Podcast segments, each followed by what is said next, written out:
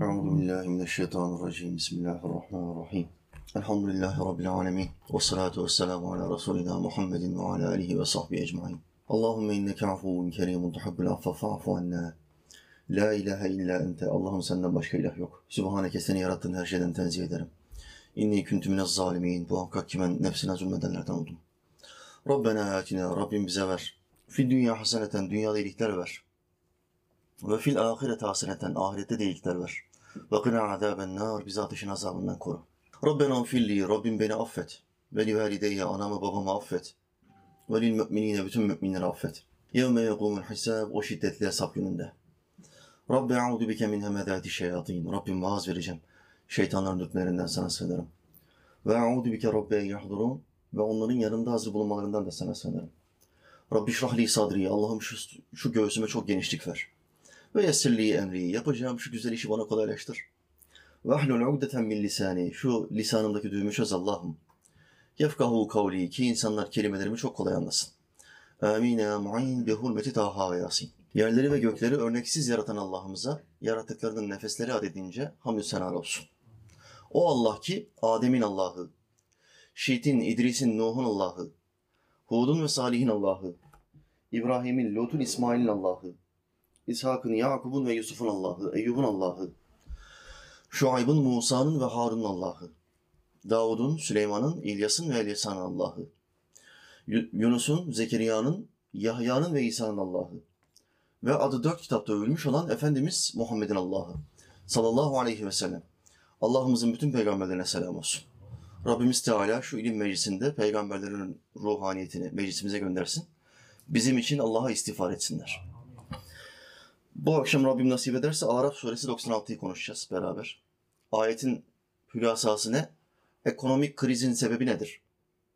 Ayet-i Kerime bize bunu anlatıyor. Şu anda biliyorsunuz bütün milletin kafasında bir tek şey var. Ekonomik kriz nasıl biter? Ortada bir kriz patlak verdi. Bundan nasıl kurtulabiliriz? Allah neden böyle bir kriz ol- oluşmasına izin veriyor? Bu nasıl oluyor? Nasıl ortadan kaldırabiliriz? Tamam teşhis ortada, krizin olduğunu herkes söylüyor da bu krizi nasıl ortadan kaldırabiliriz? Allah Teala krizi neden yaptığını bir, ayetinde bize anlatıyor. Az sonra zikredeceğim ayet. İki, krizi nasıl kaldırabileceğimizi de bize anlatıyor. Biliyorsunuz Kur'an sadece teşhis yapmaz. Kur'an teşhisin hemen peşinden tedaviyi de söyler. Etrafınızda birçok insan vardır. Sıkıntılar konusunda teşhisler ortaya koyabilirler. Senin hastalığının sebebi şundan şundandır. E ne yapmam lazım abi? Ya onun için bir doktora gitmen lazım. Teşhis söyleyemez. E, teşhisi söyler, tedaviyi söyleyemez. Tedavi Kur'an'ın işi ve peygamberlerin işi. Önce teşhisi yaparlar. Bir cerrahın titizliğinde müdahaleyi yaparlar. O pisliği oradan alırlar. Peşinden de tedaviyi söylerler. Bunu yapman gerekiyor. Bu teşhisi yaptık. Tamam tümörü de aldık da şimdi tedavi için senin de bazı perhizlerde bulunman gerekiyor. Şekerden uzak duracaksın. Çünkü şeker kanseri besler diyor. Bak bu bir perhiz. Her gün iki tane tatlı yiyorsan indireceksin. Haftada ikiye indireceksin onu. Şeker kanseri besleyen en büyük kuvvet şekerdir. Bak bu bir perhizdir. Doktor sana bu perhizi veriyor. Tıpkı doktorların verdiği perhizler gibi Allah ve Resulünün de bize verdiği perhizler vardır. Bu perhizlere itibar etmezsek teşhis almakla kalmış oluruz. Ama ben tedavi olmak istiyorum. Yani bu üstündeki sıkıntının, belanın defolmasını istiyorum. Eski rahatlığıma geçmek istiyorum. E, elektrik faturasını 150 ödüyorken şimdi 250 ödüyoruz. Ekmeği 2'ye alıyorken şimdi 3,5'a alıyoruz. 4 olacak. Ben eski rahatlığımı istiyorum. Yani devamlı bir pahalılık var, bir yükseklik var. Bunun için Allah'ın verdiği teşhis ve tedaviyi uygulamaya geçeceğiz inşallah bu akşamdan sonra kardeşler.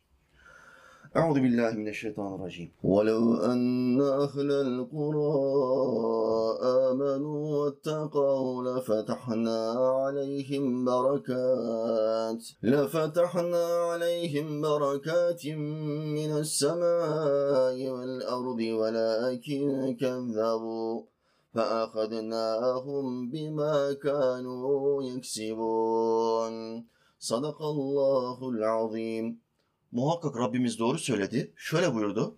وَلَوْ enne eğer olsaydı ehlel kura o ülkelerin halkı eğer olsaydı amenu iman etselerdi vattakav ve günah işlemekten sakınsalardı. Bize karşı gelmekten sakınsalardı. Biliyorsunuz günah denilen bir mefhum var dünya hayatımızda günah, haram dediği zaman bu mefhumun karşılığı ne? Allah'a karşı gelmekten sakınmama işine düştü. Günah dediğimiz şey Allah'ın yasakladığı şeyler.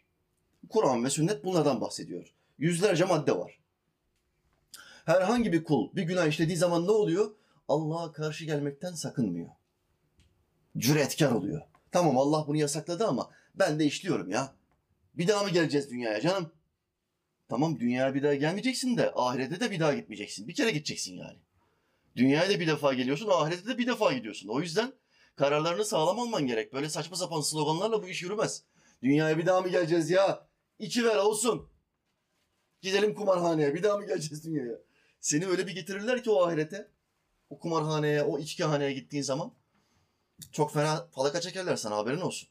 Günah dediğimiz şey Allah'a karşı gelmekten sakınmama durumudur. Saygısızlık. Ona saygı göstermiyor. İşin acı tarafı odur ki bir belediye başkanının yanında bile kul kullandığı kelimelere dikkat ediyor ve küfürlü cümleler kullanmamaya çalışıyor. belediye başkanı. Bir muhtar, bir hoca, bir cami imamı. Onun yanında bile dikkatli davranıyor. Aman hocanın yanında şimdi kelimelerini dikkatli seçmem lazım. Argo kelime kullanmayayım, küfür kullanmayayım. Hoca bu ayıp olur. Hoca, insan.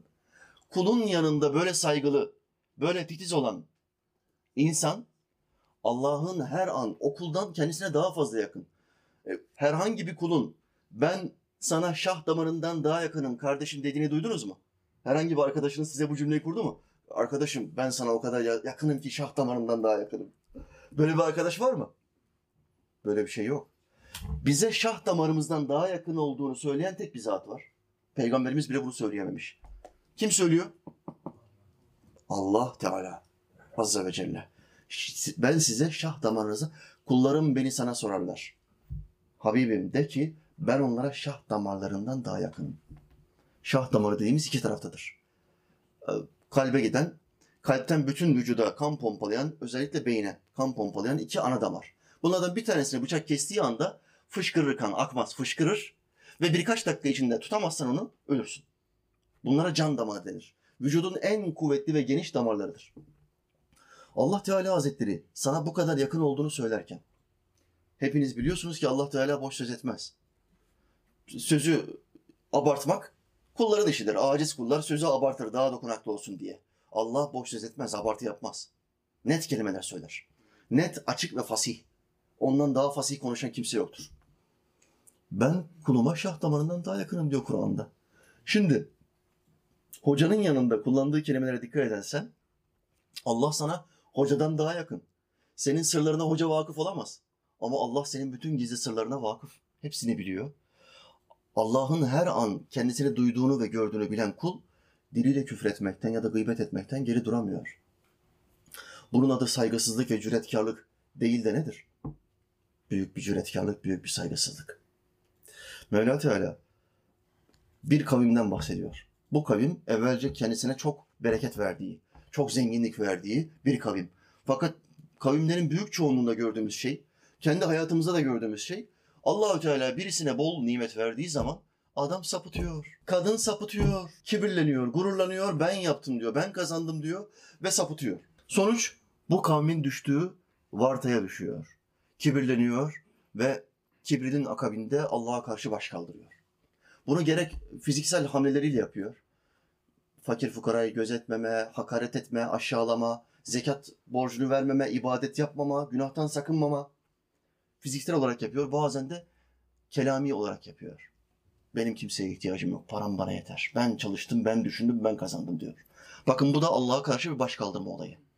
Bunları yaptığı zaman Allah Teala elindeki nimetleri çekip alıyor. Çekip almazsa daha kötü. Dünyada uyarmıyor demektir. Ahirete saklıyor demektir. Çekip aldığını hala uyarıyor.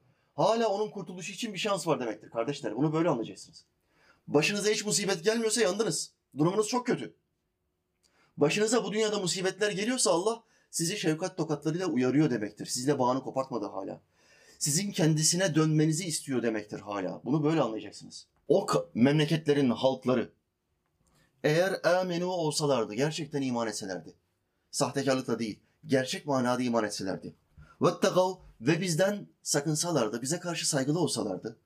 Bize karşı günah işlemekten sakınsalardı. lefetahna aleyhim biz fetah yapardık, kapıları açardık. Aleyhim onların üzerine kapıları açardık.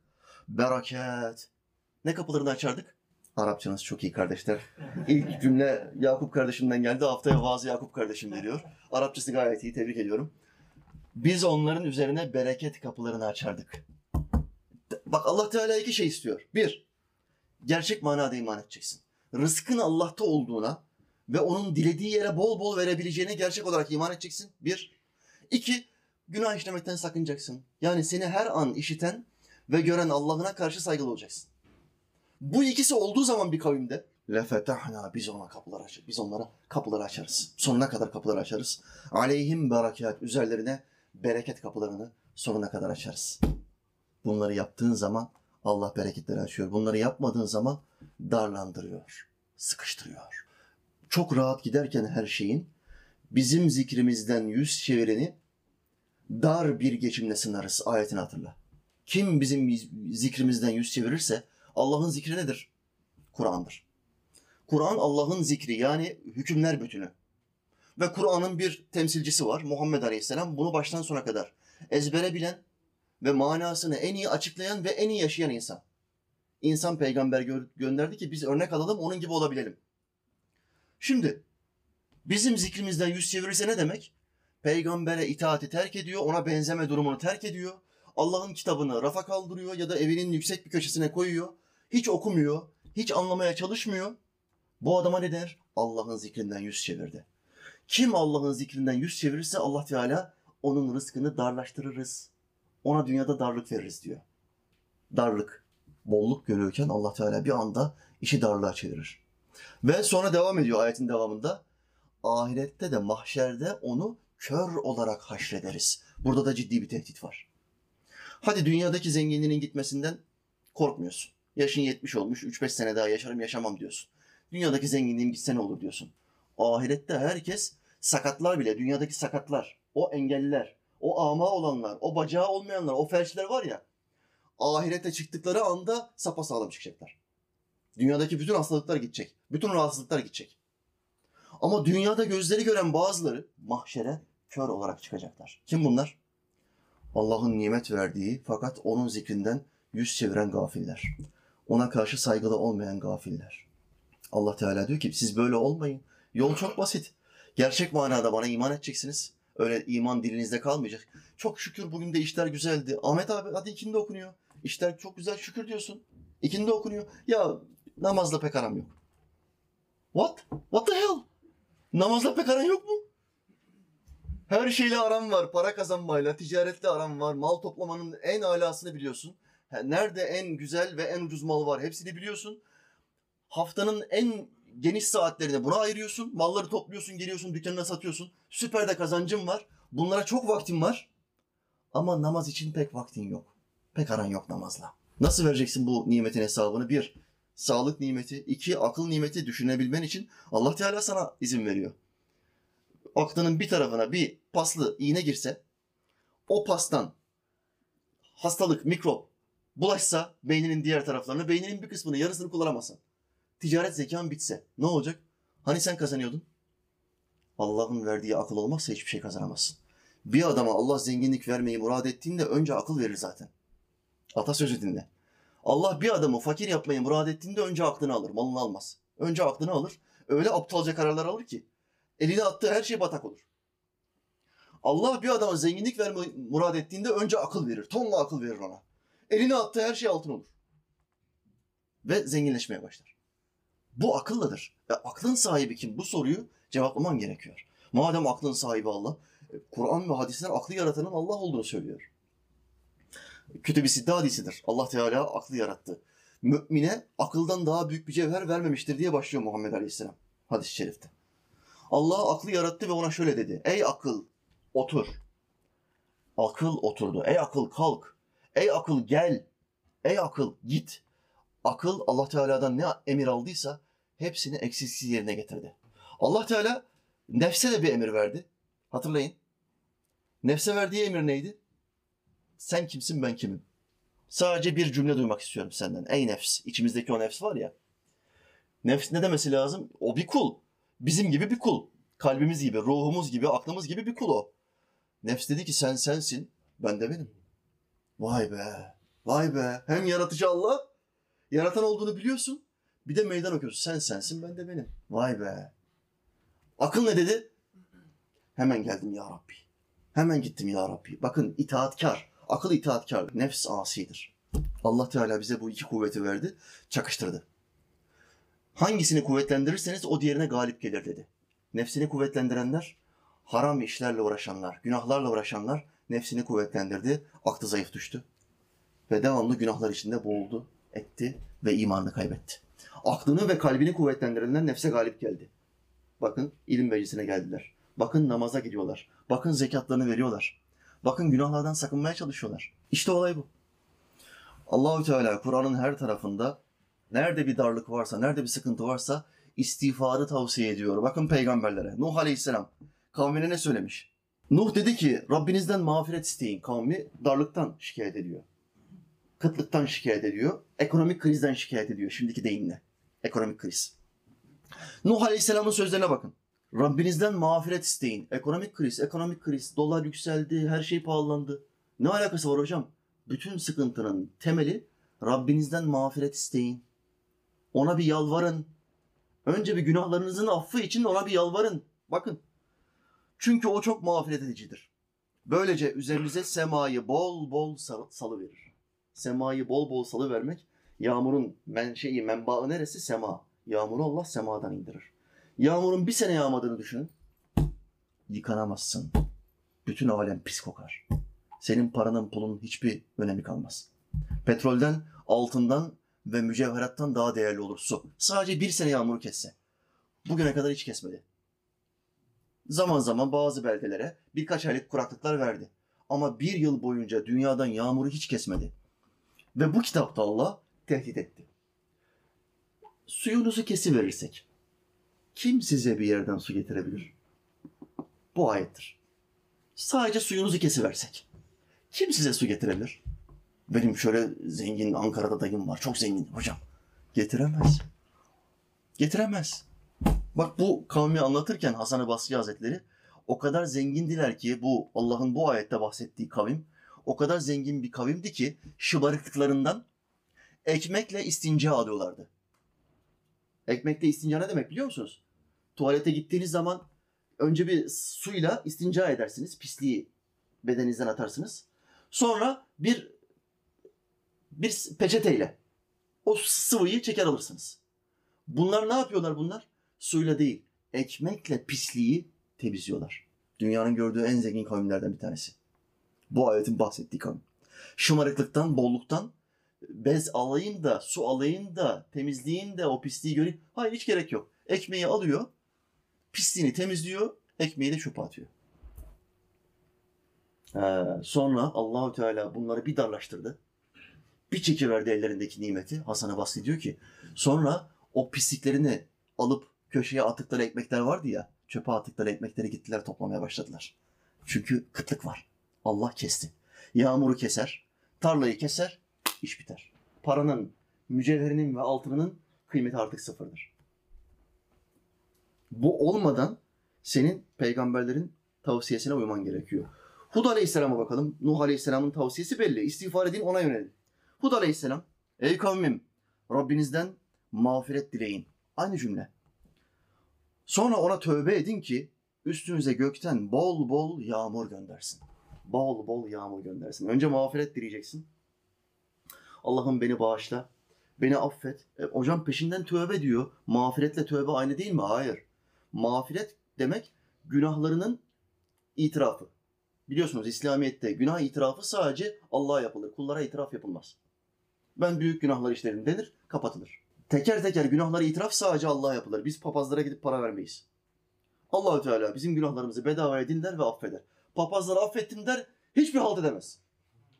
Sadece 50 dolar kiliseye alır, 50 dolar da cebine koyar. 100 dolara bütün günahlarını affettim. Son iki ayda 10 defa zina yapmışsın. Ben hepsini affettim evladım. 100 doları tertemiz çıkarsın kiliseden. Böyle dinler var, böyle dinler var. 100 dolara tertemiz çıkıyorsun. Birader, içi boşaltılmış bir din. İçi boşaltılmış. Papazlara ilahlık verdiler. Bırak Hazreti İsa'yı, papazlar bile artık günah affedebiliyor. İslamiyet'te ise Allah ile baş başa kalacaksın karanlık bir odada. Abdestli bir şekilde kıbleye yöneleceksin. Dizüstü oturacaksın. Ellerini açacaksın. Kalbinde bir pişmanlık olacak. Mağfiret dilemek budur. Allah'ım şu günahı işledim. Bu günahı işledim. Düştüm. Kalkamadım. Beni affet ya Rabbi. Buna pişmanlık denir. Mağfiret. Ama peşinden diyor ki önce mağfiret dileyin Rabbinizden. Sonra ona tövbe edin ki üstünüzden bol bol yağmur göndersin. Tövbe ne demek peki? Tövbe idabeden gelir, yönelmek. Önce mağfiret dileyeceksin günahlarına, sonra da Allah'a yöneleceksin. Allah'a yönelmek ne anlama geliyor kardeşler? İbadet yapmak. İbadet yapmaya başladığın zaman ona yönelmişsin demektir. Artık ona itaat ediyorsun, saygın başladı. Allah'a saygı duymaya başladın. Hemen peşinden hayatına bereket gelir, huzur gelir, bolluk gelir. Hemen peşinden. Bütün peygamberlerin tavsiyesi buyken sen neyin peşindesin? Allah'a yönelmek varken şeytana yönelmekle neyi kazanacağını düşünüyorsun? Neyi? Yapmaman gereken şeyleri yapmaktan sakınırsan Allah seni sever. Hocam nasıl Allah beni sevecek? Yani Allah'ın sevgisini elde etmek istiyorum. Yapmaman gereken şeyler var. Bunları yap. Tamamını yapamazsın. Tamamını yapmaktan geri dur demiyor Allah. Sakınmaya çalış. Yapmaman gereken şeylerden kaçabildiğin kadar kaç. İşte bu sefer Allah Teala seni sever. Mükemmel olmak zorunda değilsin. Sahte olma yeter. Sahte olma. Sahtekar Müslüman olma. Hiç kimse mükemmel değil. Hepimizin hataları kusurları olacak. Ama bizim tövbe kapımız var. Bizim yönelme kapımız var. Ve biz asla ve kat'a Rabbimizden ümit kesmeyiz. Başımıza gelen ne olursa olsun sonuçta Allah beni temize çıkartır diyeceğiz.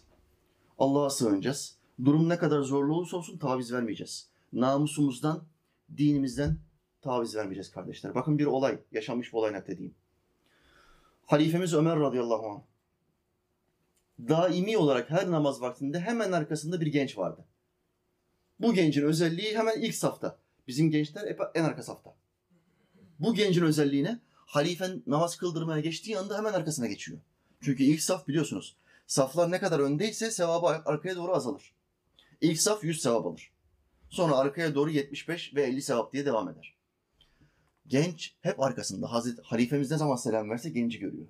Ve çok memnun oluyor. Genci çok seviyor. Bu gence kancayı takmış bir kadın var. Kadın bu genciden, gençten murad almak istiyor. Tıpkı Züleyha'nın Yusuf peygamberimizden murad almak istemesi gibi. Fakat gence birkaç mektup yollamasına rağmen, birkaç defa evine davet etmesine rağmen genç zinadan korktuğu için evine gitmiyor. Derdini, kadın derdini bir koca karıya anlatıyor. Koca karı diyor ki ben o çocuğu sana getiririm. Ya nasıl getirirsin falan. Ben o çocuğu sana getiririm. Sen yeter ki bana ne vereceğini söyle. Seni ihya ederim ben zengin bir kadınım diyor. O kadın.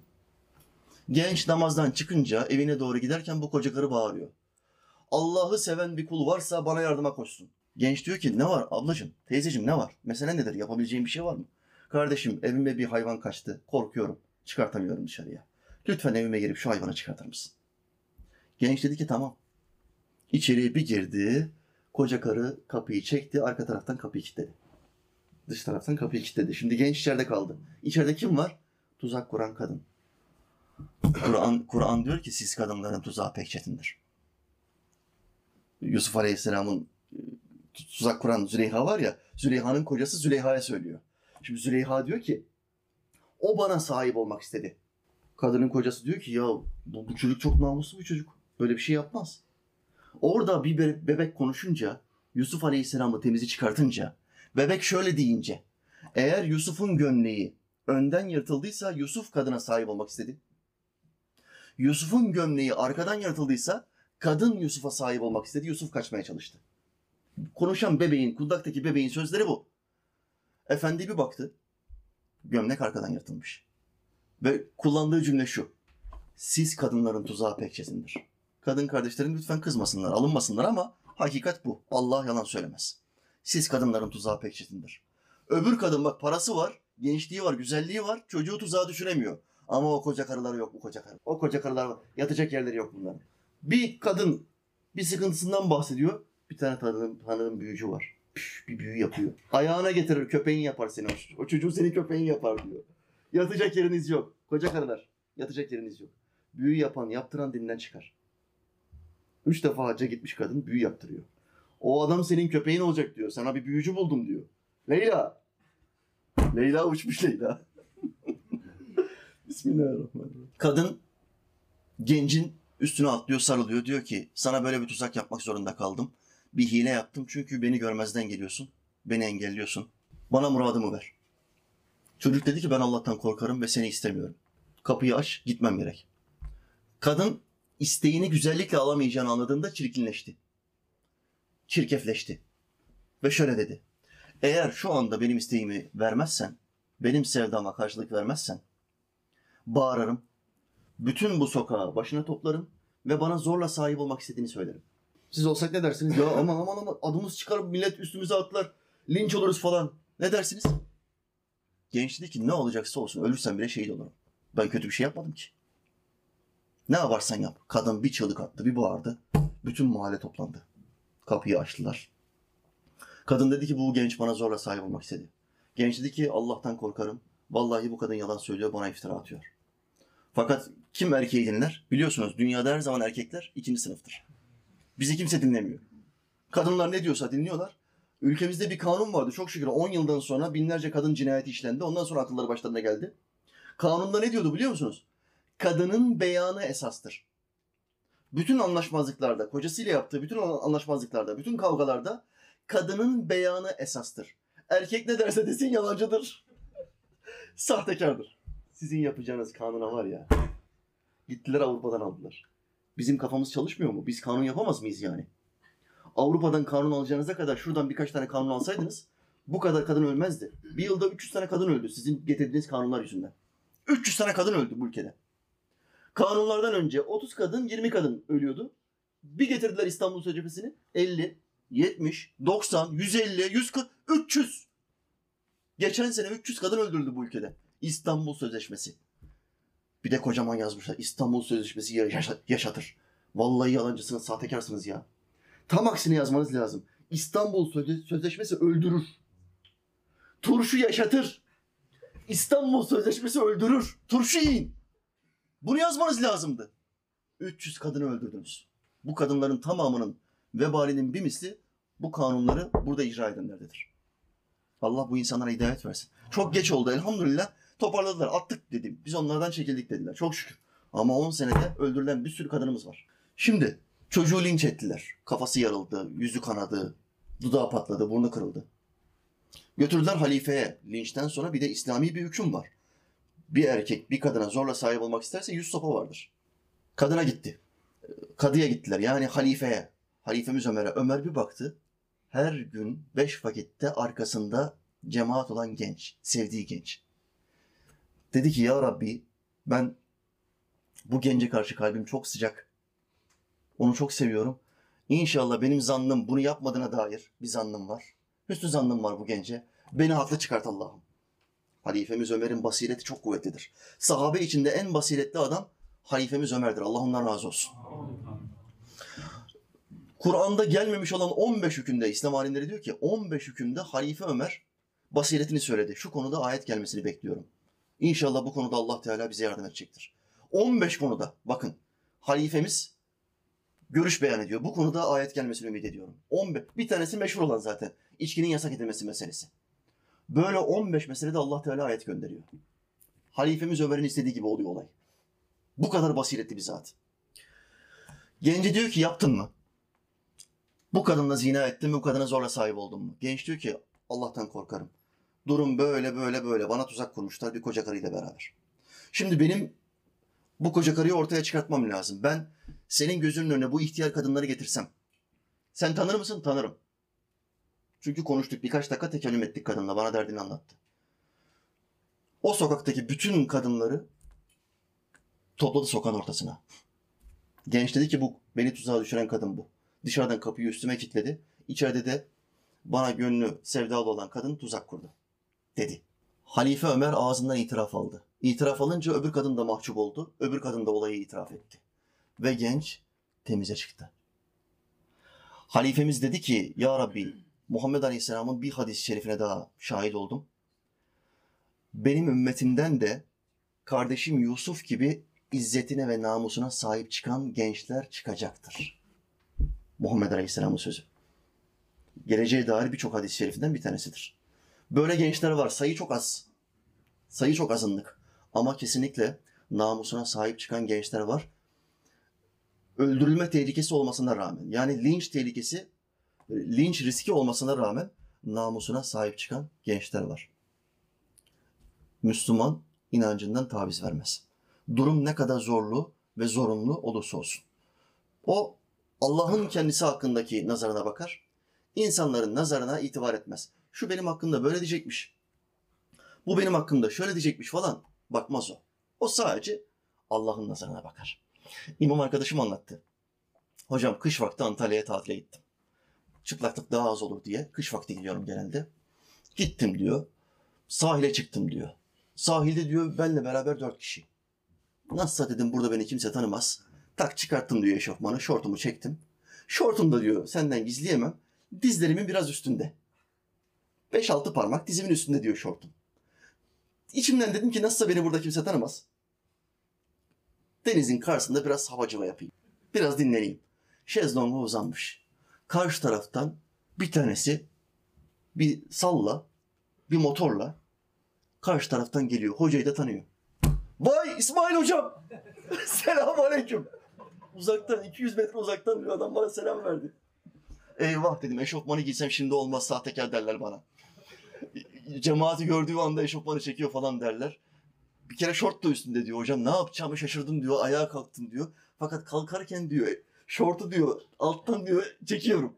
Şortu alttan çekiyorum ama bu sefer de üstten göbekten açılıyor diyor. Şortu çekiyorum göbekten açılıyor. Üst taraftan çekiyorum alttan açılıyor diyor. Yapacağım. Karma karışık oldum hocam diyor. Bir mahcup oldum. Hayatımda en çok utandığım andır diyor. Ve sonra o kardeşle oturduk yarım saat muhabbet yaptık. Kardeş de sağ olsun hiç bozuntuya vermedi. Yani yüzüme falan vurma yapmadı. Fakat o kardeş gittikten sonra ben düşünmeye başladım. Kuldan utandığın kadar Allah'tan utansan belki de evliya olursun. Belki de. Ama biz kullar maalesef kullardan utandığımız kadar Allah'tan utanmıyoruz. Çekinmiyoruz. O seni her an görüyor. Orada hiç kimse olmasa ne olur? O seni her an görüyor, her an işitiyor.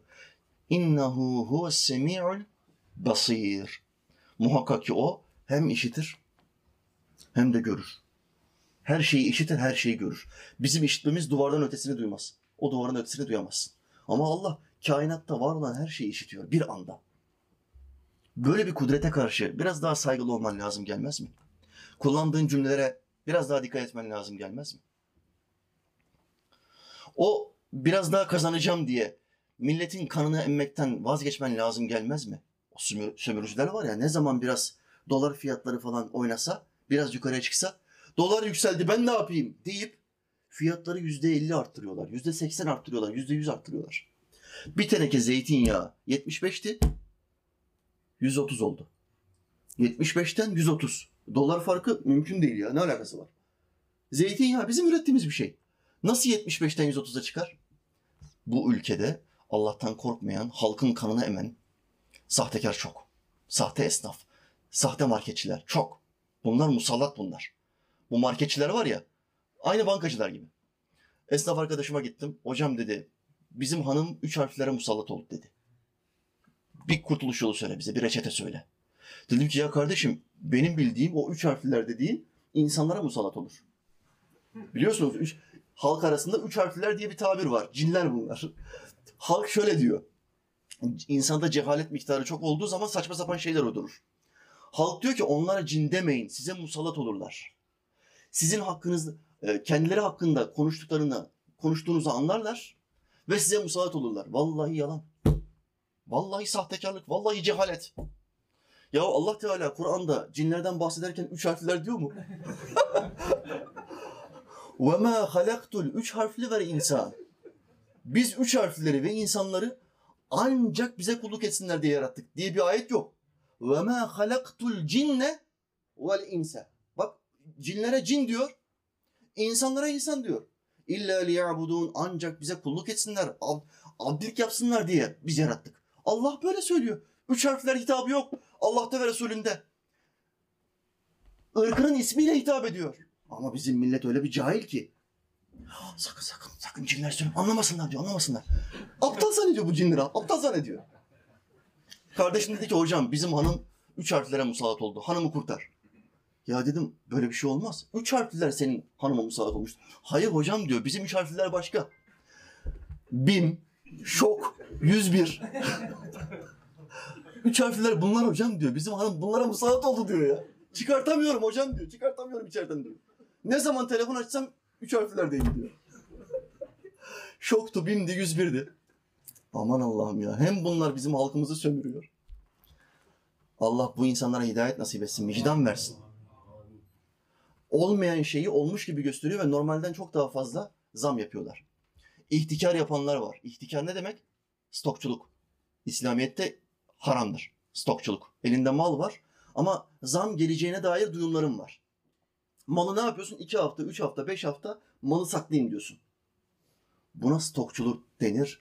Muhammed Aleyhisselam bunu yasaklamıştır. Bakın Resulullah buyurdu sallallahu aleyhi ve sellem. 40 gece kadar insanların yiyeceğini hapsedip ihtikar eden kimse Allah'tan, onun rahmetinden uzaktır.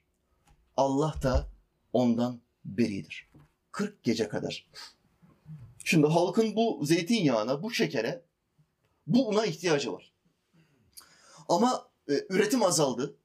Dolar muhabbetinin yükselmesinden dolayı falan bahane uyduruyorlar. Üretimi azaltıyorlar. İşleri çıkartıyorlar. Üretim azaldığı zaman fiyatlar yükseliyor. Bu sefer ne oluyor? Biz ne yapalım? Fiyatlar yükselme eğiliminde şu anda patlama yapacak. 3 hafta, 5 hafta bu malları saklarsak daha sonra iki mislini satabiliriz. Buna stokçuluk denir. Bunlara vampir denir, vampir. O vampir filmlerini biliyorsunuz. Kan emmeden duramazlar. Bunlar da halkın kanını emiyorlar. Tıpkı o bankacılar gibi. Bankacılar da faiz denilen sistemle halkın, bir milletin, bir ulusun kanını emerler. Ama çok kibardırlar. Hepsi grand tuvalet, takım elbise, kravatlı. Buyurun beyefendi, hoş geldiniz. Bugün kaç gram kan vereceksiniz bize acaba? Kaç gram? 250 gram mı? Peki efendim. Ne kadar kibar. Kan istiyor, adam senin kanını istiyor. Ama cahil Müslüman, şuursuz Müslüman, Allah'ın faiz ayetlerinden habersiz Müslüman, benim bütün hayatım size kan vermekle geçecek vampir kardeş diyor. Bütün hayatım. Bunların blade'i olacaksın. Blade'i keseceksin bunları. Bunlara kan vermeyi kesti mi bunlar zaten ölür. Kururlar ölürler. Bu faizi keseceksiniz kardeşim. Blade olacaksınız. Bitireceksiniz bu faizi. Bitirmezseniz bu milletin gözünüzün önünde erimesine de şahit olmak zorunda kalırsınız. Millet gözünüzün önünde eriyor. Her gün herkesin faiz borçları artıyor, banka borçları artıyor. Kendilerine ait olmayan banka kartlarıyla, o kredi kartlarıyla alışveriş yapmaya, havacaka satmaya devam ediyorlar. Lokantaların hepsi dolu. Tamamen dolu. Yer bulamazsınız. Kriz varmış. Yalan. Bütün lokantalar dolu. Herkes haftanın iki günü, üç günü lokantalarda 200 TL'ye, 400 TL'ye hanımıyla çocuklarıyla yemek yiyor. 2-3 gün evde yemiyorlar. Alıştılar çünkü rahatlığa. Orada insanların hizmet etmesi hoşlarına gidiyor. Kriz varmış. Ne krizi? Araç sahipleri. Araçları stokluyorlar. Bu da yeni haber. Arabaları sıfır olarak alıyorlar. Firmalardan sıfır araba alıyorlar. Araçları garajlarına çekiyorlar. Koca koca garajlara çekiyorlar. Her bir araca plaka çıkartıyorlar. Ve araçları ikinci el olarak satıyorlar. Sıfır kilometre ama adı ikinci el. Niye böyle yapıyor? Çünkü aracın sıfır fiyatı 340 TL. ikinci el fiyatı 360 TL. 20 TL cebe atıyor. Bana araba lazım diyor sat. Olmaz diyor. Bu 360. Ya bayide 340 bin. Benden alacaksın diyor 360'a. Bayide beklersin 6 ay. Ama bende hemen alırsın diyor.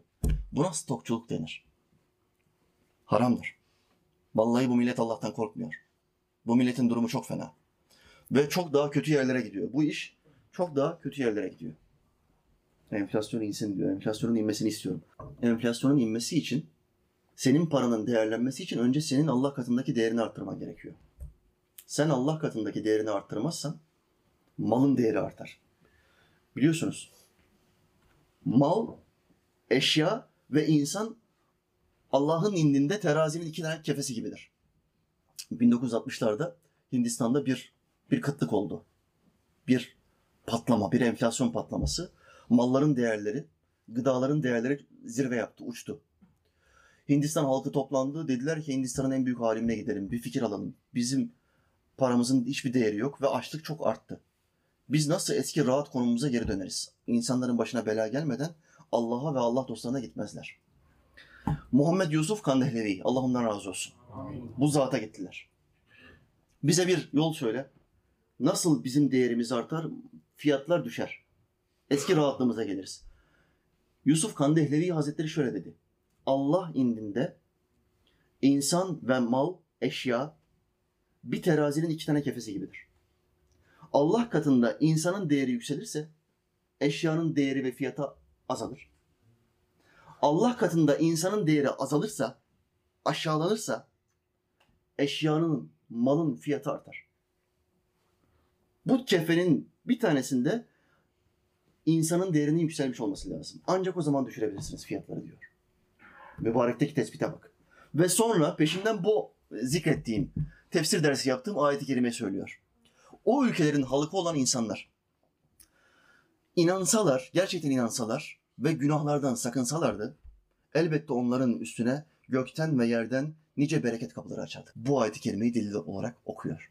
Siz gerçekten Allah'a inansanız ve onun katındaki değerinizi arttırmaya çalışsanız Allah size gökten ve yerden bereket kapılarını açar. Ayette hem gök diyor hem yer diyor. Bunun anlamı ne? Gökten açılan bereket kapıları yağmurun bollaşması. Yerden açılan bereket kapıları ekinin bollaşması. Gök baba gibidir. Yer anne gibidir. Bu ikisinin birleşmesinden bolluk oluşur. Bolluk yani çocuklar. Yeni bir nesil oluşur. Allah katındaki değerini yükseltmezsen, değerini alçakta olursa her şeyin pahası, fiyatı çok yüksek olur. Sen de sürünürsün. Değerini yükselt. Bakın Muhammed Aleyhisselam buyurdu. Allah katındaki değerinizi öğrenmek ister misiniz? Sahabesi etrafında halka oluşturmuş Efendimiz Aleyhisselam soruyor. Bir sualle giriş yapıyor. Allah katındaki değerinizi öğrenmek ister misiniz? O halde Allah'ın emir ve yasaklarının kendi hayatınızdaki değerine bakın. Namazdaki değerin nasıl? Namaza ne kadar değer veriyorsun? İşin mi daha değerli? Her gün sabahleyin işine gidiyorsun. Hiç aksatmadan akşama kadar çalışıyorsun. Bak ne kadar değer veriyorsun işine.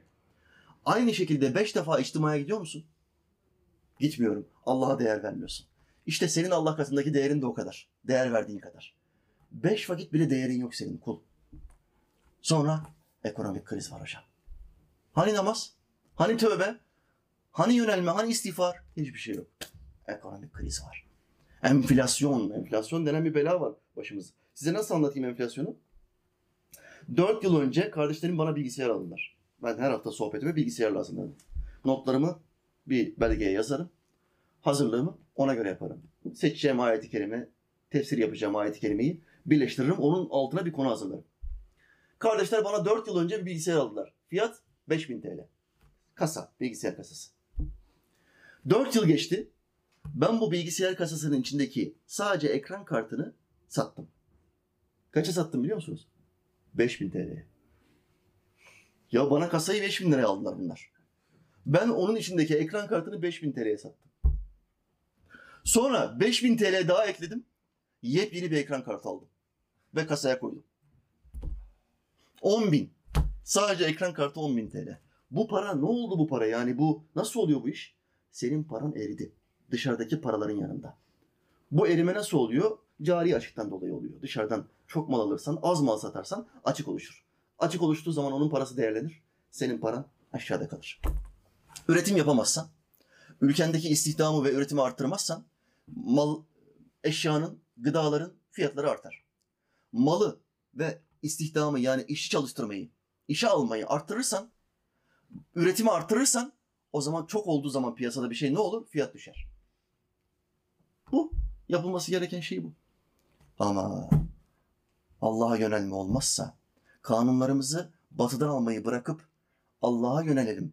Rabbimiz bizden ne istiyor buna bakalım. Gelin kanunlarımızı bu kitaptan alalım demezsen çöküş üstüne çöküş yaşarsın. İş geç olmadan, intiharlar artmadan, ölümler artmadan, kadın cinayetleri, erkek cinayetleri artmadan. Her gün haberleri seyretmiyor musunuz? Ben her gün standart 3-4 cinayet haberi görüyorum. Standart. Karısına kızdı, geldi falancayı boğdu. Oğluna kızdı, gitti amcasının oğlunu öldürdü. İşinde çok iyi gidiyordu, iflas etti, geldi eve çocuklarını öldürdü. Her gün bu haberler var. Bunlara cinnet hali denir. Ma- mali olarak kötü duruma düştüğünden dolayı sıkıntıya giriyor. İnandığı bir ilahı da olmadığı zaman cinnet geçiriyor. Cinler geliyor ona musallat alıyor. Kendini kaybediyor ve ya kendini öldürecek ya da etrafındaki insanları öldürecek. Birilerine zarar veriyor. Hem dünyasını bitiriyor hem ahiretini bitiriyor. İslam'a yöneleceksin. Kanunlarını İslam'dan alacaksın. Hükümlerini, kanunlarını İslam'dan aldığın zaman kurtulursun. Huzura erersin. Enflasyondan şikayet etme. Enflasyon sensin. Bir söz vardır. Trafikten şikayet etme. Trafik sensin. O trafikte yola çıktığınız zaman görmüyor musunuz şerit değiştirenleri? Dur şuradan belki birkaç saniye kazanırım. Şıp sol tarafa geçiyor. Sol tarafa geçiyor da kendisi birkaç saniye kazanıyor da arka taraftakiler birkaç dakika kaybediyor. Trafikteki tıkanıklığın en büyük sebebi gereksiz şerit değiştirmeler. Oradan bu şeride, buradan bu şeride geçiyor. Yanındakilere şoförlükteki ustalığını gösteriyor. Yanan benzin israf. Trafikteki kilitlenme israf. Araçlar olduğu yerde çalışmaya devam ediyor. Zamandan israf, motordan israf, yağdan israf, benzinden israf. Her şeyden israf. Parçalar daha fazla aşınıyor. İsraf. Her şeyden israf. Trafikten şikayet etme. Trafik sensin. Sen yapıyorsun bu trafiği. Enflasyondan şikayet etme. Enflasyon sensin. Sen yaptın bunu. Malı stoklayayım stoklayayım diyorsun. Sonra Allah Teala malının paranın değerini düşürüyor. Avrupa'dan şunu alayım bunu alayım diyorsun. Şu kanunlarına benzeyelim diyorsun. Allah Teala senin paranı düşürüyor. Avrupa kimdir ya? Allah bir değil üçtür diyen adamlar. Zeka seviyeleri bu. Bir tane Allah olmaz. Üç tane var. İki tane yardımcısı var onun. Diyen adamlar bunlar. Zeka seviyesi bu. IQ seviyesi ayakkabı numarasında düşük olan insanlar bunlar. İsa da Allah'ın oğludur, Meryem de Allah'ın karısıdır diyenler bunlar. Sen kanunlarını bu adamlardan alıyorsun. Biraz kafan çalışmıyor mu ya? Ve sonra da Allah'tan yardım istiyorsun. Aman Allah, aman Allah. Ama benim arkamdan birisi bana hakaret edecek. Benim arkamdan gıybet yapacak, hakaret edecek. Sonra da gelip benden yardım isteyecek. Yürü lan derim. Sahtekar. Arkamdan hakaret ediyorsun, yapıyorsun. Millete beni kötülüyorsun. Bana ne? Hocam işte cinler musa. Bana ne ya? Ne yaparsan yap. Üç harf, onlar senin üç harflerin. Bana, bana? Arkamdan birisi bana hakaret ettiği zaman ben uğraşmam. Umursamam. Bana bir ilim öğret. Çocuğumla ilgilen. Bana ne ne yaparsan yap ya. Ben sana ne kötülük yaptım? Niye beni kötülüyorsun? Benim hayatım İslam'a hizmetten, hayat kurtarmaktan başka bir şey değil. Hayatımın özeti bu. O binlerce insanın hayatını kurtarmıştır. Ve hedefi milyonların hayatını kurtarmaktır. Hayatımın özeti bu. Sen hala niye benim arkamdan atıp tutuyorsun? Sonra da geliyorsun benden yardım istiyorsun. Bir kul olarak arkandan atıp tutan bir adama karşı tavrın buyken Allah'ı düşünün Allah'ı. Hem Allah'ın bir oğlu var bir de karısı var diyeceksin. Bir olan ilahı üç yapacaksın. Hem de yardım isteyeceksin ondan. Böyle bir sahtekarlık olur mu? Bu Allah seni ne yapar? Onların söylediği o çirkin söz yüzünden neredeyse gökler çatlayacaktı. Ayettir.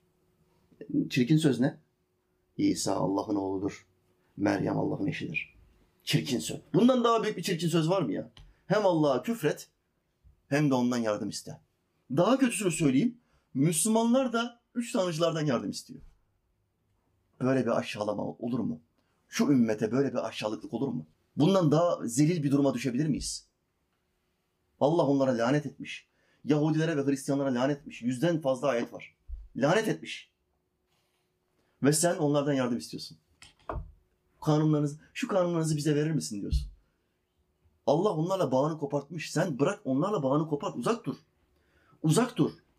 Elini attığı berbat olan herhangi bir şey eline attığı zaman berbat oluyorsa bir adam lanetlenmiş demektir. Sen onunla mesafeni koru. Çünkü Allah onun başına lanet verirken sen de orada gidersin. Kurunun yanında yaşta yanar diye bir söz vardır bilirsiniz. Lanetlenmiş beddualı adamlar gördünüz mü? Mesafe koyun kardeşler. Uzak durun. Nereye elini atsa kurutuyor. Kimin arabasına bize kaza yapıyor.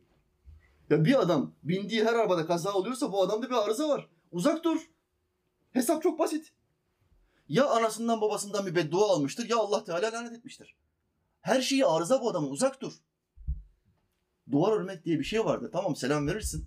Küslük haramdır. Selam ver ama uzak dur. Mesafe koyma hakkın var. Sana malına ya da namusuna zarar vere- veren bir adamla mesafe koyma hakkın var. İslam'da bu hakkında var unutma. Hadise budur kardeşler. Ayeti bitiremedim. Devam edeceğim. Bitireceğim ayeti şimdi. Eğer gerçekten iman ederseniz vettagav ve Allah'tan hakkıyla korkarsanız lefetahna aleyhim berekat onların üzerlerine bereket kapıları açarız. Mines semai vel ardi semadan, gökten ve yerden bereket kapılarını açarız. Öyle bir Allah Teala sana bereket verir ki eline attığın altın olur. Her taraftan huzur gelir, muhabbet gelir. Velakin kezzabu. Velakin onlar kezzap, kezzap yaptılar. Ke, kezzabu ne demek? Yalanladılar. Durum böyleyken ben onlara reçete sundum diyor Allah Teala. Bolluk bereketi, o ekonomik krizden çıkmaları için ben bu millete reçete sundum.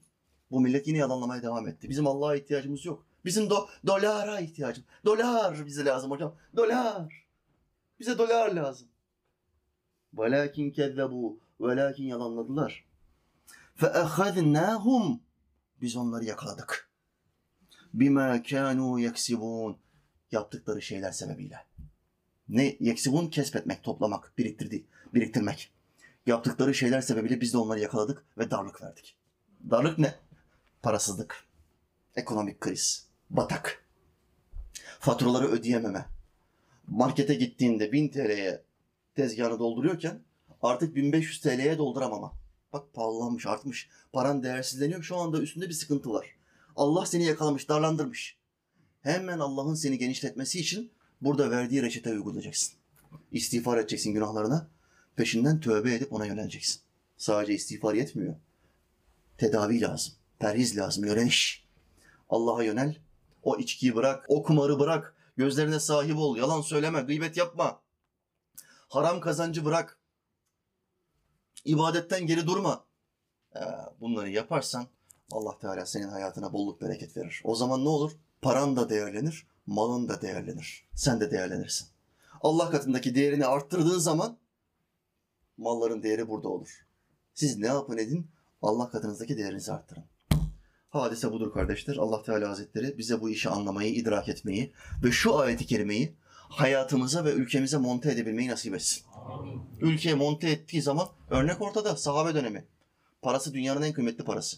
Osmanlı dönemi. Parası dünyanın en kıymetli parası.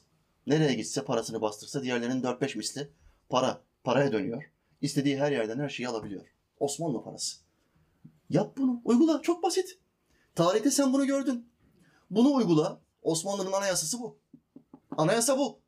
Bu anayasayı uygularsan bolluk içinde, ferah içinde yaşarsın. Jason ne haber ya? Hala o eski arabada mısın ya Jason? Püf. Üçüncü arabamı aldım Jason. Dersin. Ama sen diyemeyisin. Hiçbir şey diyemezsin ya. Sende daha bir tane araba yok. Ee, bolluk bereket olmasını istiyorsan Allah'a yöneleceksin Müslüman kardeşim. Ee, bir hidayet mesajı okuyayım ben kapatayım. Hak Azze ve Celle. Hocam ben sizin sohbetlerinizi genellikle takip ediyorum. Bu akşam dinlediğim sohbette sabah namazına kalkma taktiğini anlattınız ve bir kardeşimizin bu taktikle nasıl namaza kalktığını ifade ettiniz. Benim bir kızım var ve kızımla her gece hep beraber yatıyoruz. Kızım uyuyunca ben de onun odasına gidip geniş geniş yatıyorum. Şimdi kızı annesiyle beraber kızıyla yanlarına geliyor demek ki alışmış, alıştırmışlar, şımartmışlar biraz. Kızla beraber uyuyorlar. Uyudukları zaman da adam rahat edemiyor yatakta. Gidiyor kızının yatağına yatmaya. Geniş geniş, ferah ferah yatıyorum hocam diyor. Bu gecede yatarken sizin vermiş olduğunuz dua taktiğini uyguladım ve ben de o kardeşimiz gibi Allah'ım senin meleğin çok. Bana da birini gönder. Ben de sabah namazına kalkayım dedim. O du- dua e, videomu biliyorsunuz kardeşler. Sabah namazına kaldırma videosu. Yüzlerce insandan müjdeli haberi aldım. Allah Teala beni uyandırıyor diyor. Telefona falan gerek kalmadan diyor hocam. Şimdi yattım diyor kızımın yatağında bu duayı yaptım diyor. Allah'ım beni kaldır dedim diyor. Ama benim uykum biraz ağır hocam. Nasıl kalkacağım diye de düşündüm. Neyse uyudum. Gecenin bir vakti eşim korku içinde geldi ve bana hadi kalk sabah ezanı okundu mu dedi. Karısı gelmiş korku içinde bunu dürtüyor. Hadi kalk diyor sabah ezanı okundu mu diyor. Ben de kalktım ve ne olduğunu sordum. Bir rüya görmüş. Ondan etkilenip korkmuş. Ben de ona sizin bu sohbetinizi anlattım. Eşim rüyasını bana anlatmadı ama ben eşime namaz kıldıramıyordum. Artık rüyasında ne gördüyse hocam o da namazını kılmaya başladı. Rüyasında aksakallı dedeler puh, sopayla, ince bir kızılcık sopasıyla, eski Kur'an kurslarında okuyanlar bilirler. Kız, kızılcık sopasıyla. Kızım, evladım, Allah sana bir eş vermedi mi? Evin yok mu? Çocuk vermedi mi? Allah sana bir kız çocuğu vermedi mi? Bunların bu nimetlerin tamamını sana Allah vermişken sen niye namaza kalkmıyorsun kızım? Sopayı mı istersin yoksa nasihatle mi kalkarsın? O aksakalı dediler böyle kaldırır. Dinlemezse birkaç gece ya hmm, yaparsa o yorganın üstüne çekerse bu sefer sopayla gelirler. Söz ile uslanmayanın hakkı kötektir. Ha, arkadaşlar bizim cemaat de maşallah yani atasözleri ve hadisler konusunda bir Arapça bir metin okuyorum tak Arapça metninin devamını getiriyorlar. Maşallah kardeşler. Yani Allah ecelden aman vermezse canımızı alırsa burada sohbet yapacak çok adam var çok şükür. Yani hocam şu olayda bir taşla iki kuş vurdunuz. Allah sizden razı olsun. Kardeşim Allah senden de razı olsun. Rabbim eşine beş vakit namaz kılmayı nasip etsin. Sana da beş vakit namaz kılmayı ama özellikle sabah namazına kalkabilmeyi nasip etsin. Namazların efendisi hangisidir kardeşler? Bak ondaki zevk. Rabbime hamdolsun. Çocukluğumdan beri ben beş vakit namaz kılarım. Ama hocam yani o beş vakitin içinde en haz aldığın, en çok zevk aldığın namaz her gün kıldığım sabah namazı. O dört vakti bir tarafa koy. Sabah namazı başka kardeşler. Ha, neden başka? Keyfini o uyku uykunun en ağır olduğu, en çok bağlandığın an. Sabah anı. E, seher vaktiyle güneşin yakın olduğu an. Uykuya en çok bağlandığın andır. Kalkmak en çok orada zordur. O anda bütün keyfini Rabbin için terk ediyorsun ya. Allahü Teala sana bir feyiz akıtıyor. Bir muhabbet akıtıyor, bir aşk. Bunun zevki hiçbir ibadette yok. Bundan dolayı bütün Müslüman kardeşlerime sabah sabah kalkıp dua etmelerini, o farzdan hemen sonra her işçinin yaptığı işten sonra efendisinden ücret isteme hakkı vardır. Abi Ahmet abi çalıştın bir hafta haftalığımı ver. Bunu deme hakkı var mı işçilerin? Var. Allah'ın işçileri olan biz kulların da her farzdan sonra bir şeyler isteme hakkımız var. Ne istiyorsan Rabbinden iste. Utanma, çekinme. Ve inşallah şunu bana ver deme. Çünkü duada kesin olmak zorundayız. İnşallah denmez duada.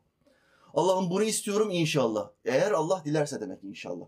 Ya zaten iste dilemesi için, benim adıma bunu dilemesi için ben dua ediyorum. İnşallah denmez duada diyor Muhammed Aleyhisselam. Kesin ve net bir dille istediğin şeyi Allah'a söyleyeceksin dua esnasında. Heh, en sonunda da bu fakir derviş kardeşini de ismen zikredersen sevinirim. Yani hocamızın da böyle bir isteği var, böyle bir muradı var. Bir dergah yapmak istiyor, bin kişiye birden sohbet vermek istiyor. Allah'ım şu hocamızın da isteğini yerine getirecek sponsorlar ortaya çıkart ya Rabbi. Hocamız sabah namazına da bin kişiyle gitmek istiyor. Şu anda 150-200 kişi civarı oluyor. Bazen 100, bazen 150 kişi oluyor. Ama hocanın kalbinde ne vardı? Bin kişi. Ben bin kişiyle o kiliseye dönmüş camiye gitmek istiyorum. Nasıl kiliseye dönmüş? Bir imam var bir de müezzin var camide ya. Bu hafta arkadaşımı ziyarete gittim. Beni gittiğin camiye götürür müsün dedim. Nereyi ziyaret etsem bana diyor, ona diyorum ki beni gittiğin camiye götür. Camiyi görmem lazım. Ama şartım şu, benim bir vaiz olduğumu falan hiçbir şey söylemeyeceksin oradaki insanlara. Ben orada sıradan cahil bir adam gibi köşeye geçeceğim. Takip edeceğim. Cemaati takip edeceğim. İmamı müezzini takip edeceğim. Bunlar ne yapıyorlar? Cemaat sayısı ne? İmam müezzin odaklanmış mı? İşine değer veriyor mu? Yapayım da gitsin mi diyor. Ben bunları takip edeceğim. Sonra bu malzemeleri alırım. Ben burada kürsü, kürsüde gizlemek saklamak yok. Kürsüde aleni bir şekilde söylerim. Eleştirdiğim bir sürü cami imamı vardır. Hala da görüştüğüm imamlar vardır. Rabbime hamdolsun birçoğu kendisini toparladı. Yaptığı yanlışları toparladı. Birçoğu hala inat ediyor, diretiyor. Ettehiyyatı okuyor, salli barik, Rabbena atina okumuyor. Hala devam ediyor. Kerem Hoca bunu böyle söyledi, ben inatla okumam diyor. Ya oğlum inatla, bana inat yapacaksın diye Muhammed Aleyhisselam'ı niye reddediyorsun? Efendimiz Aleyhisselam Ettehiyyatü'den sonra salli barikleri okudu mu? Rabbenaları okudu mu? Bütün hadis metinleri bunlar da dolu. Sırf hocaya karşı inadım var diye bunları okumamak büyük cahillik. Büyük taassup. Hakikaten büyük taassup. Doğruyu söyleyen sevmediğin bir adam olduğu için doğruyu reddetme. Adil ol. Kabul et bu doğruyu tamam evet. Ben seni hiç sevmiyorum hoca senden haz etmiyorum. Çünkü sen seni yüz binler izliyor beni on kişi seyretmiyor. Bu yüzden senden haz etmiyorum. İstediğin kadar bana düşman ol. Ama hakikati söylediğim zaman bunu kabul et. Gururunu, kibrini ayaklar altına al. Hakikati kabul et. Bir millete, bir kavme olan kininiz sizi adaletten ayırmasın diyor Kur'an. Adil olun. Bir kavme, bir hocaya kinin var mı? Olabilir. Herkesi sevmek zorunda değilsin. Bana karşı bir hasetin kinin olabilir. Benim bir sürü düşmanım var. Alışığım. Ama ağzımdan bir hakikat çıkıyorsa, sana ayet hadis söylüyorsam, bir nasihat ediyorsam bu senin iyiliğin için. Yap bunu. Salli barikleri es geçme, Rabbenaları es geçme. O beni bekliyor, bu beni bekliyor. Cemaatten bazıları sen cemaatin gönlünü yapmak için orada imam olmadın. Sen Allah'ın emrini yerine getirmek için imam oldun. Cemaat sana ne derse desin o salli barikleri, Rabbenaları oku sonra selam ver. İmam kardeşim. Allah Teala hepsinden razı olsun. Hepsinin yanlış olduğu durumlar olduğu zaman Mevla Teala gururlarını ayaklar altına alıp doğruyu kabullenebilmeyi ve hayatlarına monte edebilmeyi nasip etsin. Amin ya mu'in. Ben buna karşı sizden bir ücret istemiyorum. Benim ücretim ancak beni yaradan aittir. Velhamdülillahi Rabbil alemin. El Fatiha.